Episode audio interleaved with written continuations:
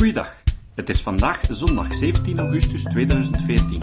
Ik ben Jozef van Giel en dit is de 198ste aflevering van deze podcast. Vandaag onderzoeken we of er koninkrijken van emotie bestaan waar de reden niets te zoeken heeft. Het oorspronkelijke artikel komt van Richard Dawkins en is in het Nederlands vertaald door Stefan Sutens en gecontroleerd door Rick de Laat. Zijn er domeinen van emotie waar de logica taboe is en ze niets te zoeken heeft? Zones waar de reden te geïntimideerd is om te spreken. Moraalfilosofen maken volop gebruik van gedachte-experimenten. In een ziekenhuis liggen vier stervende mannen. Elke man zou gered kunnen worden door transplantatie, telkens van een ander orgaan. Maar het probleem is dat er geen donororganen beschikbaar zijn. In de wachtzaal zit een gezonde man die, als we hem zouden doden, de nodige organen zou kunnen leveren om zo het leven van vier mensen te redden voor de prijs van één. Is het moreel gerechtvaardigd om de gezonde man te doden en zijn organen te gebruiken? Iedereen antwoordt nee op deze vraag. Maar een moraalfilosoof wil toch nog over deze vraag discussiëren. Waarom is het verkeerd? Komt het door het principe van Kant dat zegt: Handel op dergelijke wijze dat je mensen, noch je eigen persoon, noch iemand anders gebruikt als middelen om een doel te bereiken, maar altijd tegelijkertijd als doel op zich. Hoe rechtvaardigen we Kants principe? Zijn er uitzonderingen? Zouden we een hypothetisch scenario kunnen voorstellen waarin wat als de stervende mannen nu eens Beethoven, Shakespeare, Einstein en Martin Luther King waren? Zou het dan juist zijn om een man te doden die dakloos is, geen vrienden heeft en net uit de goot werd gehaald? En ga zo maar verder. Twee mijnwerkers zitten ondergronds gevangen door een explosie.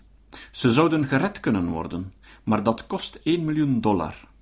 Dat miljoen zou ook kunnen gebruikt worden om de levens van duizend mensen in hongersnood te kunnen redden. Kan het moreel juist zijn om de kompels aan hun lot over te laten en het geld te spenderen om duizenden mensen te redden? De meesten van ons zouden nee zeggen. Wat zou jij doen? Of denk je dat het zelfs verkeerd is om een dergelijke vraag te stellen? Deze dilemma's zijn oncomfortabel. Het is de taak van moraalfilosofen om tegen het oncomfortabele in te gaan en hun studenten te leren om hetzelfde te doen. Een vriend van me, professor in de moraalfilosofie, vertelde me dat hij haatmail heeft ontvangen toen hij de hypothetische vraag van de mijnwerker openlijk stelde. Hij vertelde me ook dat er bepaalde experimenten zijn waarbij hij zijn studenten verdeelt in twee groepen. Sommige studenten kunnen tijdelijk een ongemakkelijke hypothese aannemen om te zien waar ze toe leidt. Anderen zijn zo verblind door hun emoties dat ze de hypothese niet aankunnen. Ze luisteren gewoonweg niet meer en weigeren in de discussie mee te gaan. We gaan er allemaal mee akkoord dat het niet waar is dat sommige menselijke rassen genetisch superieur zijn aan andere qua intelligentie. Maar laat ons dit eens even opschorten en de gevolgen bekijken als het waar was. Zou het dan juist zijn om te discrimineren bij jobsollicitaties?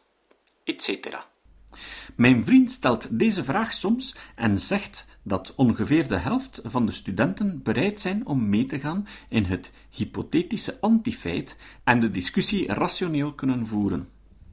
De andere helft is te opstandig om door te gaan en stoppen het gesprek. Kan eugenetica ooit gerechtvaardigd worden? Kan martelen?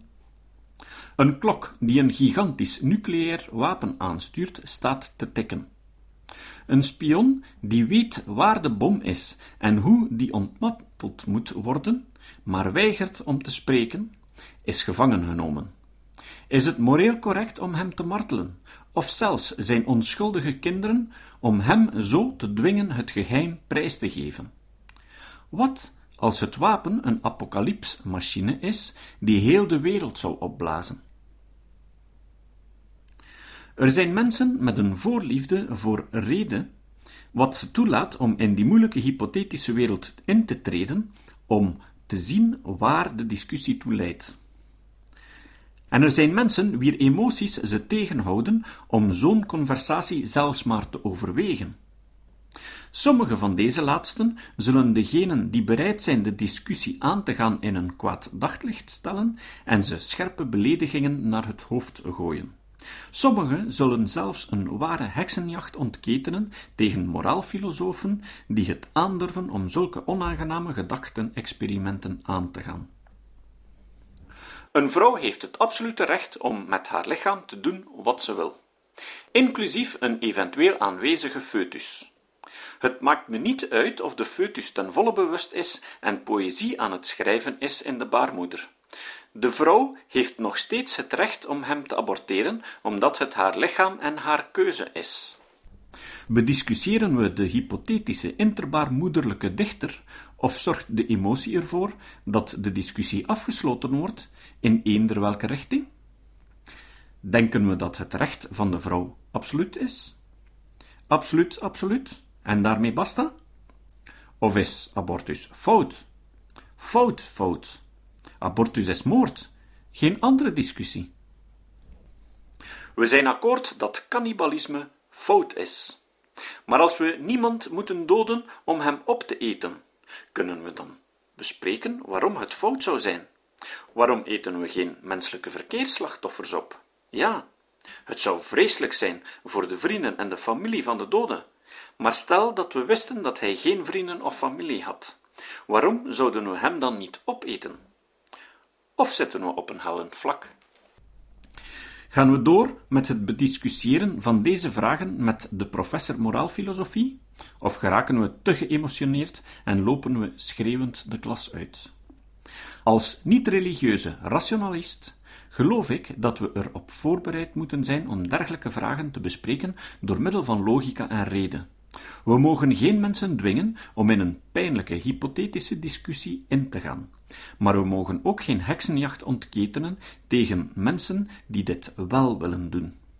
Ik vrees dat sommigen van ons taboezones aan het bouwen zijn, waar emotie baas is en de reden niet toegelaten is. Waar de reden in sommige gevallen actief geïntimideerd wordt en maar beter haar gezicht niet laat zien. En dit betreur ik. Dat horen we al uit een treuren uit van de religieus gelovigen. Zou het niet jammer zijn als we verleid werden door een nieuw heilig iets? Een heiligdom van emotioneel taboe? Vanuit het hypothetische naar de werkelijkheid dan maar. Als je de vraag van vrouwelijke genitale verminking stelt, kan je er zeker van zijn dat de helft van de antwoorden in de vorm zijn van en hoe zit het met mannelijke besnijdenis? En vaak genoeg lijkt het de bedoeling te zijn om de wind uit de zeilen te nemen van de campagne tegen VGV, vrouwelijke genitale verminking. Als je dan zegt: Ja, zeker, mannelijke kinderlijke besnijdenis is slecht, maar vrouwelijke genitale verminking is slechter. Dan krijg je de wind van voren. Beide zaken zijn schendingen van een onschuldig kind. Je kan niet bediscuteren wat erger is dan de andere. Hoe durf je er zelfs aan denken om ze een gradatie toe te kennen? Wanneer iemand uit de showbiz beschuldigd wordt van pedofilie, mag je je dan de vraag stellen: Heeft hij de kinderen verkracht door penetratie of heeft hij ze enkel aangeraakt met zijn handen? Ik denk dat het laatste slecht is, maar het eerste erger. Dan krijg je stevast het antwoord hoe durf je verschillende soorten van pedofilie te onderscheiden? Ze zijn allemaal even slecht, even verschrikkelijk. Ben je misschien zelf een pedofiel die er niet voor durft uit te komen? Ik kreeg de volgende reactie toen ik met iemand discussieerde over het moeilijke vraagstuk over Israël en Palestina. Israëli's zeiden me dingen als: We hebben een Joodse staat nodig. Want na de Holocaust hebben we ons gerealiseerd dat niemand het voor ons zou opnemen. We moeten het voor onszelf opnemen. Joden zijn veel te lang als vuil behandeld. Vanaf nu gaan wij, Joden, sterk zijn en voor onszelf zorgen. Op een gegeven gelegenheid antwoordde ik hierop: Ja, natuurlijk sympathiseer ik hiermee. Maar kan je me ook uitleggen waarom Palestijnse Arabieren de prijs zouden moeten betalen voor Hitlers misdaden? Waarom Palestina? Je gaat toch zeker geen bijbelse verklaring geven waarom dat land in plaats van, zeg maar, Beieren of Madagaskar? Mijn vriend antwoordde me toen: Richard, ik denk dat we niet verder hoeven te praten. Ik was ongewild weer in een andere taboezone terechtgekomen. Een heilig emotioneel domein waarover je niet discussieerde. De emoties die gepaard gaan met de Holocaust zijn dusdanig pijnlijk dat het niet toegestaan is om zulke vragen te bediscussiëren. Een vriend zal eerder het gesprek afblazen dan het heiligdom van gekwetste gevoelens te betreden. Op Twitter schreef ik over de huidige verschrikkelijke gebeurtenissen in Gaza het volgende. De omvang van de vernietiging in Gaza is obscene. Arme mensen. Arme mensen die hun huis hebben verloren, hun familieleden, alles. Ik werd ogenblikkelijk bitter aangevallen door vrienden van Israël. Maar toen citeerde ik Sam Harris met de zin: Hamas heeft publiekelijk verklaard dat ze elke Jood in de wereld willen doden. En ik ging verder op Sams hypothetische vraag: Wat zegt dit over de mogelijke acties van Hamas als de posities omgekeerd waren en zij de militaire kracht van Israël hadden?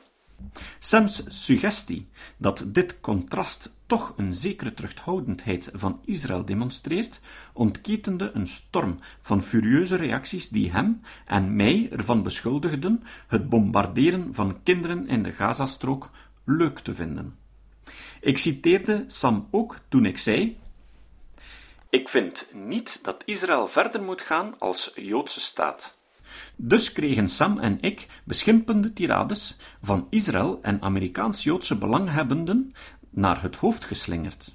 Ik vatte mijn positie over deze zaak met een link naar een artikel van Christopher Hitchens samen als Het is redelijk om zowel de stichting van de Joodse staat als de aspiraties om hem te vernietigen te betreuren.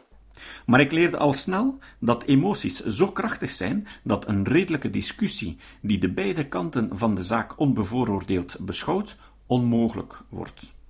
Blijkbaar leerde ik het toch niet snel genoeg en ben ik deze week in een andere Twitter-controverse terechtgekomen. Verkracht worden door een vreemde is erg. Verkracht worden door een voormalig vertrouwde vriend is erger. Als je denkt dat dit hypothetisch citaat een vergoelijking is van verkrachting door vreemden, moet je beter nadenken. Dat was één manier hoe ik de hypothese voorstelde. Het leek me heel redelijk om te veronderstellen dat een verlies aan vertrouwen, de teleurstelling die een vrouw voelt wanneer ze verkracht is door iemand die ze kende en vertrouwde, nog erger kan zijn dan de verschrikkelijke aanranding door een vreemde. Ik had voorafgaand de omgekeerde hypothese geplaatst, maar ik trok een equivalente, logische conclusie. Verkrachting na een afspraakje is erg. Verkrachting door een vreemde met een mes is erger. Als je denkt dat dit een vergoelijking is van verkrachting na een afspraakje, moet je beter leren nadenken. Deze twee tegengestelde hypothetische standpunten zijn beide versies van een algemene zaak die ik ook tweete. X is slecht. Y is erger. Als je denkt dat dit een vergoelijking is van X, moet je beter leren nadenken. Het was een zuiver logisch punt. Iets beschouwen als erg en iets anders als heel erg is geen vergoelijking van het minste van de twee kwaden. Beide zijn slecht. Ik maakte geen punt over welk van de twee erger was. Ik wilde alleen zeggen dat een mening op twee verschillende manieren uiten niet neerkomt op het goedkeuren van het mindere kwaad. Sommige mensen werden boos en begrepen niet dat het om een logische discussie ging met verkrachting als voorbeeld. Ze dachten dat het een effectief oordeel was over welke soort verkrachting nu het ergste is. Andere mensen snapten de logica, maar vielen me bijna even hevig aan om zo'n emotioneel beladen onderwerp als illustratie te kiezen. Om één prominent atheïstische blogger te citeren, wat zou er mis geweest zijn met iemand in het gezicht slaan is erg, zijn neus breken is erger. Waarom verkrachting gebruiken? Ik had de gebroken neus kunnen gebruiken en ik aanvaard dat ik moet uitleggen waarom ik het voorbeeld van verkrachting koos. Het was niet mijn bedoeling slachtoffers van verkrachting pijn te doen of hun verschrikkelijke ervaring te trivialiseren. Dat ondervinden ze al genoeg van de ze hadden een kort rokje aan. Ik wed dat ze ervoor aan het smeken was. Brigade. Dus, waarom koos ik verkrachting als onplezierige hypothese in plaats van een gebroken neus? Hier is waarom.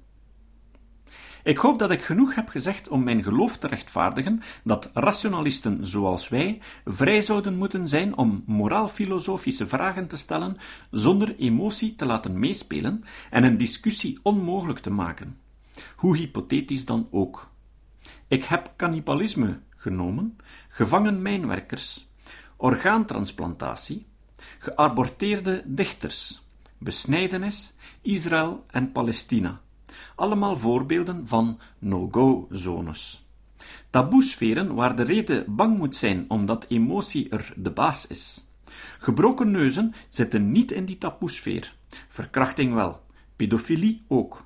Ze zouden er naar mijn mening niet mogen inzitten. Andere zaken ook niet.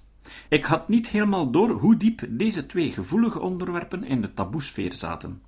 Dat heb ik nu ondervonden. Helaas meer dan ik verwachtte. Ik geef echt passioneel om reden en logica. Ik denk dat nuchtere logica en reden niet geschuwd mogen worden in een discussie over cannibalisme of ingesloten mijnwerkers. Het bedroefde me dat verkrachting en pedofilie ook taboesferen werden. No-go-zones buiten het bereik van de reden en de logica. Verkrachting is verkrachting. Je kan niet onderhandelen over welke vorm van verkrachting, bijvoorbeeld door een vriend, erger is dan een andere vorm van verkrachting, bijvoorbeeld door een vreemde.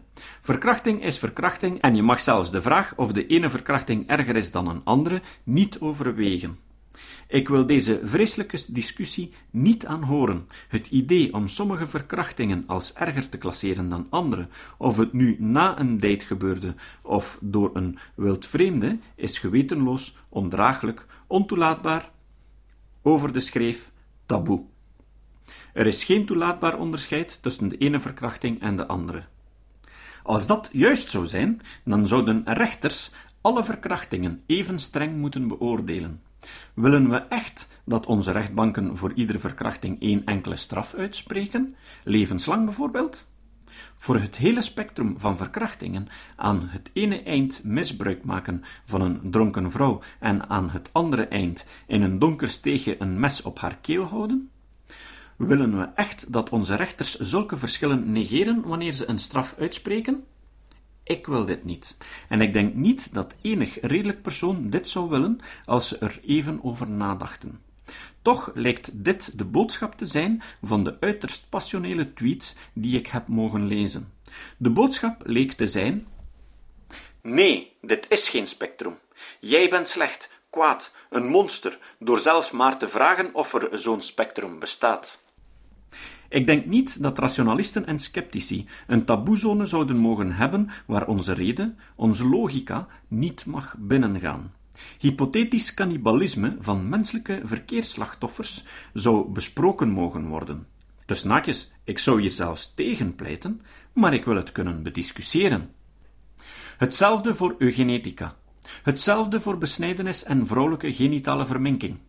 Ook de vraag of er een spectrum is voor verkrachtingen, van slecht tot erger, tot heel, heel veel erger, zou ook open moeten staan voor discussie, niet minder dan het spectrum tussen een slag in het gezicht en een gebroken neus. Het voorbeeld van de gebroken neus had mijn logica niet kunnen illustreren, omdat niemand ons ooit zou beschuldigen van het goed praten, van in het gezicht slaan, als we gebroken neus is erger dan een slag in het gezicht zouden gezegd hebben. Het punt ligt voor de hand. Net zoals x is erger dan y, Maar ik wist dat niet iedereen het vanzelf zou vinden in de speciale gevallen van verkrachting en pedofilie, en daarom startte ik de discussie. Het maakte me niet uit of we zouden zeggen dat verkrachting na een afspraak erger is dan een verkrachting in een donker steegje, of vice versa. Nog was ik niet op de hoogte dat dit een gevoelige zaak is, net zoals pedofilie. Ik wilde met opzet dit taboe tegen een rationele discussie over gevoelige zaken doorbreken. Daarom koos ik verkrachting en pedofilie als hypothetische voorbeelden. Ik vind dat rationalisten vrij moeten zijn om de spectra van het kwaad te bespreken, al is het maar om ze te verwerpen. Ik had opgemerkt dat verkrachting en pedofilie vanuit de discussie verhuisd waren naar een no-go taboezone. Ik wilde het taboe uitdagen, net zoals ik alle taboes wil uitdagen voor een vrije discussie. Niets zou buiten het bereik van discussie mogen staan. Nee, laat me dat anders zeggen. Als jij denkt dat sommige dingen wel onbespreekbaar zouden moeten zijn, laten we dan even gaan zitten en het over deze stelling hebben. Laten we elkaar niet alleen maar beledigen en de discussie smoren, omdat wij rationalisten zijn binnengevallen in het land waar emotie koning is. Het is uiterst betreurenswaardig dat er, ook in onze atheïstische gemeenschap, mensen zijn die dreigementen van verkrachting krijgen voor dingen die ze gezegd hebben. Het is ook betreurenswaardig dat er veel mensen zijn in dezelfde atheïstische gemeenschap die letterlijk bang zijn om te zeggen wat ze denken en vrijuit te spreken. Bang om zelfs hypothetische vragen te stellen, zoals ik gedaan heb in dit artikel. Ze zijn bang, ik overdrijf niet, voor heksenjacht, voor een hedendaagse jacht op ketters, een hedendaagse inquisitie en een hedendaagse incarnatie van Orwell's gedachtenpolitie. Het citaat. Het citaat van vandaag komt van Barack Obama. Obama is de 44ste president van de Verenigde Staten. Maar dat wisten jullie al. Obama zei: Democratie eist dat religieus gemotiveerde mensen hun bezorgdheden vertalen in universele, eerder dan religie-specifieke waarden. Het is noodzakelijk dat hun voorstellen onderworpen worden aan discussie en amendeerbaar zijn door de rede. Ik kan tegen abortus zijn omwille van religieuze redenen, maar als ik probeer om een wet erdoor te krijgen die deze praktijk verband, dan kan ik niet eenvoudigweg verwijzen naar de leer van mijn kerk of de wil van God aanhalen. Ik moet uitleggen waarom abortus bepaalde principes die toegankelijk zijn voor mensen van alle geloven geweld aandoet, met inbegrip van hen zonder geloof. Tot de volgende keer. De productie van deze podcast is mogelijk dankzij de medewerking van Riek de Laat, Emiel Dingemans, Leon Kortweg, Stefan Sutens en de muziek van Nick Lucassen. En natuurlijk ook de steun van vele luisteraars. Op onze website onder menu steunen kan je vinden op welke manier je ons kan helpen de sceptische boodschap verder uit te dragen. Dit was de podcast Kritisch Denken. Vergeet niet om alles kritisch te behandelen, ook deze podcast. Voor verdere informatie over deze podcast, links en voor de tekst, surf naar www.kritischdenken.info. Als je deze podcast belangrijk vindt, kun je me steunen door anderen warm te maken ook eens te luisteren. Stuur een e-mail naar vrienden met een link naar de website en plaats de link in de handtekening van je e-mails.